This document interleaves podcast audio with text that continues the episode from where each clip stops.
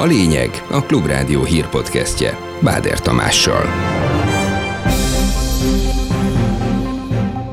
Szakszerű, jogszerű volt a szolgálati fegyver használata az új budai rendőrgyilkosság helyszínén. A rendőrség nem hibázott a parancsnoki vizsgálat szerint. Lőfegyver használat, mind a munkatársaim által alkalmazott egyéb kényszerítő eszközök használata alkalmazása jogszerű és szakszerű volt. A jogállamiság fontos szerepet kap a most kezdődött svéd uniós elnökség alatt. The rule of law has to be upheld in every country. Mint hallják, ezt ígérte a skandináv állam miniszterelnöke. Majdnem 30 millió forintot költ megint bértapsolókra az állami média. Örüljünk, mert eljön majd az az idő is, amikor már nem pénzért tapsolni, ami kötelező lesz M1 műsorainak. Szerdán egy napra még visszakapjuk a napot a sok napsütés mellett 10 fok körüli enyhe idővel, de csütörtöktől megint visszatér a csapadékos, latyakos téli idő.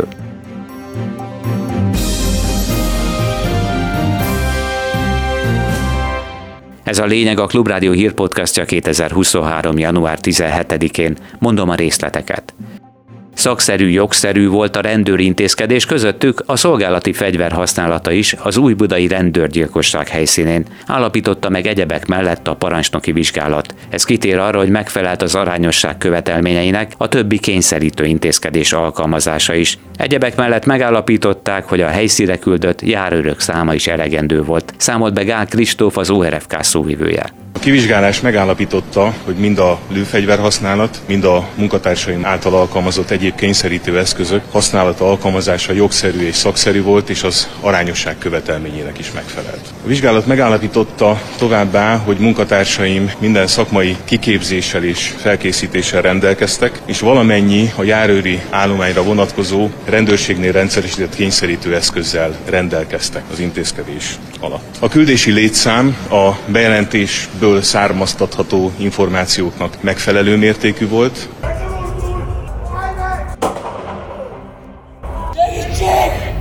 Múlt héten csütörtök este három intézkedő rendőrt késsel sebesített meg egy őrjöngő férfi Új-Budán, aki ezután az utcára menekült, ahol az egyik járőr figyelmeztető lövés után lábon lőtte, majd elfogták. Az egyik rendőrt a támadó szíven szúrta. Ő olyan súlyosan megsérült, hogy a kórházban életét vesztette. Nem szűnő probléma, hogy csalók élnek vissza ismert bankok nevével, telefonhívásokkal is. A Klubrádiónak nyilatkozó szakember szerint fontos, hogy az ilyen átveréseket időben felismerjük.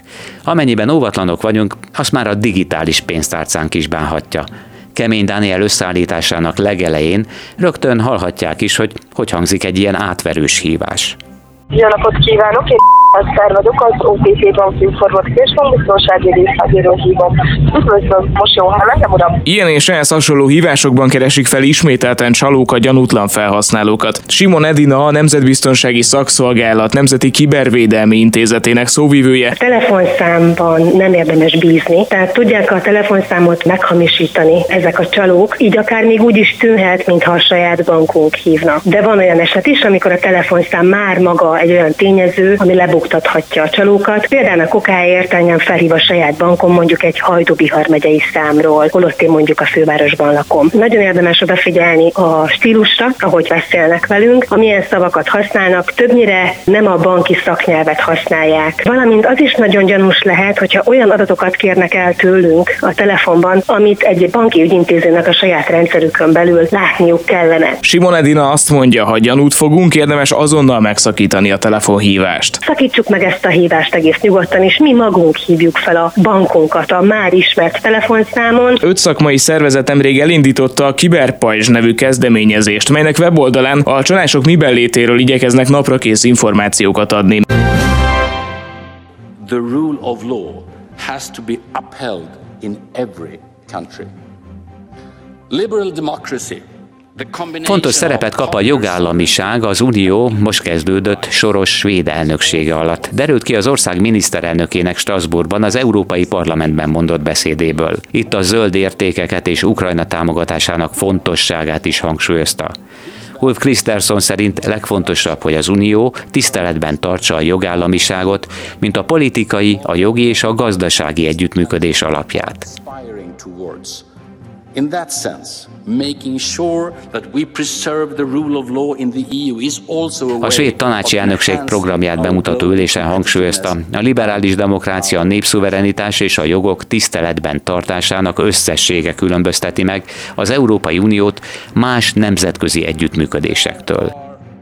There are certainly formats and forums to engage with authoritarian states, but the EU is not Hozzátette, az uniós szerződés hetes cikke szerinti eljárások és a jogállamiságról folytatott párbeszédek megmutatták, sok államban még szükség van javulásra is ezen a téren.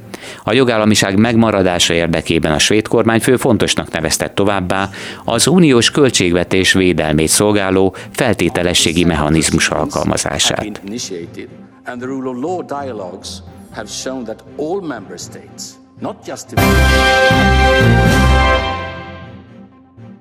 Brüsszelbe utazik tárgyalni jövő héten a Magyarország számára felfüggesztett Erasmus és Horizont programokról Navracsis Tibor.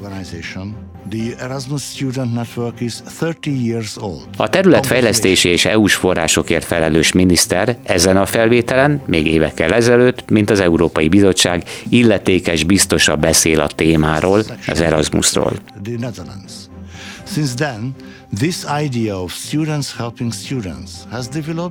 most a magyar kormány érdekeit képviseli majd Brüsszellel szemben, miután a bizottság a hazai felsőoktatási intézmények jó részét működtető alapítványok és a kormány szoros kapcsolatát kifogásolva felfüggesztette a diákok külföldi tanulását és a felsőoktatási együttműködéseket célzó programok finanszírozását. Úgy tudni, január 25-én és 26-án Navrasis Tibor hivatalosan is egyeztet majd Johann Johannes Hahn költségvetési és Maria Gabriel kutatásért, oktatásért is felelős uniós biztosokkal, akiknek a múlt héten már dörgedelmes levelet is írt a témában. Közben itthon az Országgyűlés Európai Ügyek Bizottságának összehívását kezdeményezi a DK, szintén az Erasmus ügy miatt már elutalta Ukrajnának a 18 milliárd eurós makroszintű pénzügyi segélycsomag első 3 milliárd eurós részletét az Európai Bizottság. A kölcsönről tavaly évvégén szinte az utolsó pillanatban állapodtak meg a tagállamok, részben a magyar ellenkezés miatt. A folyósítás feltételek teljesítéséhez kötött, ezek közt antikorrupciós intézkedések, igazságügyi reformok, a jogállamiság tiszteletben tartása, jó kormányzás és az intézmények modernizációja is szerepel. Az év végén lehet esély tűzszünetre az orosz-ukrán háborúban az elemzők szerint. Erről a Klubrádióban Tálas Péter, a Közszolgálati Egyetem Stratégiai Védelmi Kutatóintézetének igazgatója beszélt, aki szerint egyrészt mindkét fél kimerülhet addigra, másrészt Vladimir Putyinnak a 2024-es választások előtt is érdeke lehet, hogy átmenetileg legalább rendeződjön a válság. 2024-es év több helyen is választásokat hoz, és így Oroszországban is, és nagyon sokan azt gondolják, hogy Putyin nem akart neki menni a választásoknak úgy, hogy nagyon intenzív harcok lennének, ezért azt feltételezik nagyon sokan, hogy ezért lesz az év valami fajta tárgyalás, és ha nem is megállapodás, de tűzszünet, és hasonlóan az ukránok is addig kapnak mondjuk azt, hogy időt arra, hogy valamit fordítsanak, vagy visszafoglaljanak területeket, mert elképzelhető egyébként, hogy addigra a nyugati közvélemény is mondjuk azt, hogy inkább megállapodás vagy tűzszünetpárti lesz. Újabb hidegháborús légkört emlegetett a magyar külügyminiszter Davosban. A világgazdasági fórumon tartott beszélgetésen azt mondta Szijjártó Péter, Magyarországnak és Közép-Európának is alapvető érdeke a kelet-nyugat együttműködés, de szerinte az eurázsiai együttműködés mára már távoli álommá vált blokkok közötti konfrontáció mindig azok számára a legrosszabb, akik középen találják magukat.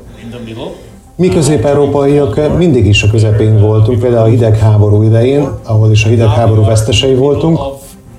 Most pedig olyas valaminek vagyunk a közepén, amit véleményem szerint hidegháború 2.0-nak fognak majd nevezni, bár remélem, hogy ez nem következik be. Letartóztatták Hollandiában az iszlám állam feltételezett biztonsági főnökét. A 37 éves szíriai férfi 2019-ben kért menedékjogot, ezután egy Arkel nevű dél-hollandiai kisvárosban telepedett le. Egy rendőrségi bejelentés nyomán találták meg. A nyomozás során olyan információkra derült fény, amelyek arra utalnak, hogy 2015 és 18 között az iszlám állam biztonsági szolgálatának vezetésében segítkezett, előtte pedig két évig ugyanezt a tisztséget töltötte be az An-Nusra Front nevű terrorszervezetnél is.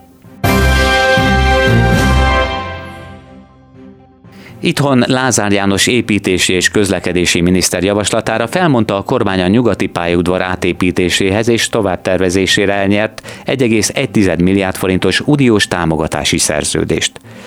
A projektre ősszel még rábólintott az Orbán kormány, de a mostani háborús helyzet és a rezsiválság miatt egyelőre lefújták a tervezést, amit egy brit iroda nyert el egyébként. Fizetős próbaérettségit tartottak a Salgótarjáni Madács Imre gimnáziumban. Egy külső cég bonyolította a végzős diákoknak. A dolgozatok összeállítása, javítása a tanulóknak fejenként majdnem 5000 forintjába került. Amennyiben a próbaérettségi a pedagógiai program részeként kötelező a diákoknak, az iskola akkor sem kérhet érte pénzt, ha külső széget von be a lebonyolításba. Ha viszont nem kötelező, akkor lehet fizetős a szolgáltatás. Értékelte a helyzetet a Klubrádiónak a PDS választmányi tagja. Nagy Erzsébet szerint vélhetően anyagi kényszer miatt volt szükség erre a megoldásra most valószínűleg az intézmények nem tudják a többletmunkát a pedagógusoknak kifizetni, meg hát őszintén szólva nincs is okvetlenül olyan plusz munkaidő, amit erre rá tudnának fordítani, hiszen óriási a szakemberhiány. El tudom képzelni, hogy egyre nagyobb az igény, hogy külső személyeket, illetve külső cégeket vonjanak be. Salgótarjánban a tankerület vizsgálatot indít az ügyben. Az iskola által közzétett állásfoglalás szerint a diákok, szülők, tanárok közösen döntötték el, hogy részt vesznek a fizetős gyakorló vizsgán. Köszönöm szépen a kollégáknak. Kérje a 200 forintot a kollégina. Turi Luit és Balogh Kárment hallották az előbb. És a takarítónéni is bejött, mondjuk a port is letörölgethetni. Így hangzik a Klubrádió reggeli műsorvezetőit is meglepő spontán taps a stúdióban. Ez pedig már a köztévé egyik produkciójának úgymond full extrás változata. A különbség 30 millió forint legalább. A bértapsolókra megint majdnem ekkora összeget költ az állami média. Az erről szóló közbeszerzést a Casting Office Kft. nyert el megint, hasonlóan a fél évvel ezelőtti szintén 30 milliós közbeszerzéshez. Lehetséges, hogy jelentkezek tapsolni, reagált ironikusan Hatházi Ákos a Klubrádió azon felvetésére, hogy a korrupcióval foglalkozó politikus így talán könnyebben bejutna a köztelevízióba. Mondhatnánk azt is, hogy örüljünk, mert eljön majd az az idő is, amikor már nem pénzekkel tapsolni, hanem kötelező lesz tapsolni az M1 műsorainak. Nyilván ez az összeg ez csak egy jó felfogható példa arra, hogy hogyan pazarolnak ebből a körülbelül 120 milliárd forintból, amit a propaganda bástyája kap Magyarországon. Lehet, hogy könnyebben tudna bejutni a köztévé műsoraiba, hogyha elmegy tapsolni, mint hogyha csinál valamit, mint politikus. Hát nézze, ez nem kizárt, nem rossz ötlet, majd lehetséges, hogy jelentkezni fogok tapsolni. Folytatódik a hullámvasutazás a következő napok téli időjárásában. Szerdán fölfele tartunk, úgyhogy megint viszonylag magas 10 fok körüli hőmérsékleti csúcsokat kapunk, ezúttal napsütéssel, napközben jobbára csapadék nélkül. Csütörtöktől viszont megint visszatér a latyakos, borongós, télies idő, de mínuszok nem lesznek azért. Ez volt a lényeg a Klubrádió hírpodcastja. Munkatársaim nevében is köszönöm figyelmüket, Báder Tamást hallották. Hasonló tartalommal legközelebb szerdán délután 4 és 5 óra között jelentkezünk majd, először a meghatározott podcast oldalakon. De mindezt hallhatják majd immáron ezen a héten a Klubrádió 10 órás hírösszeállításában is.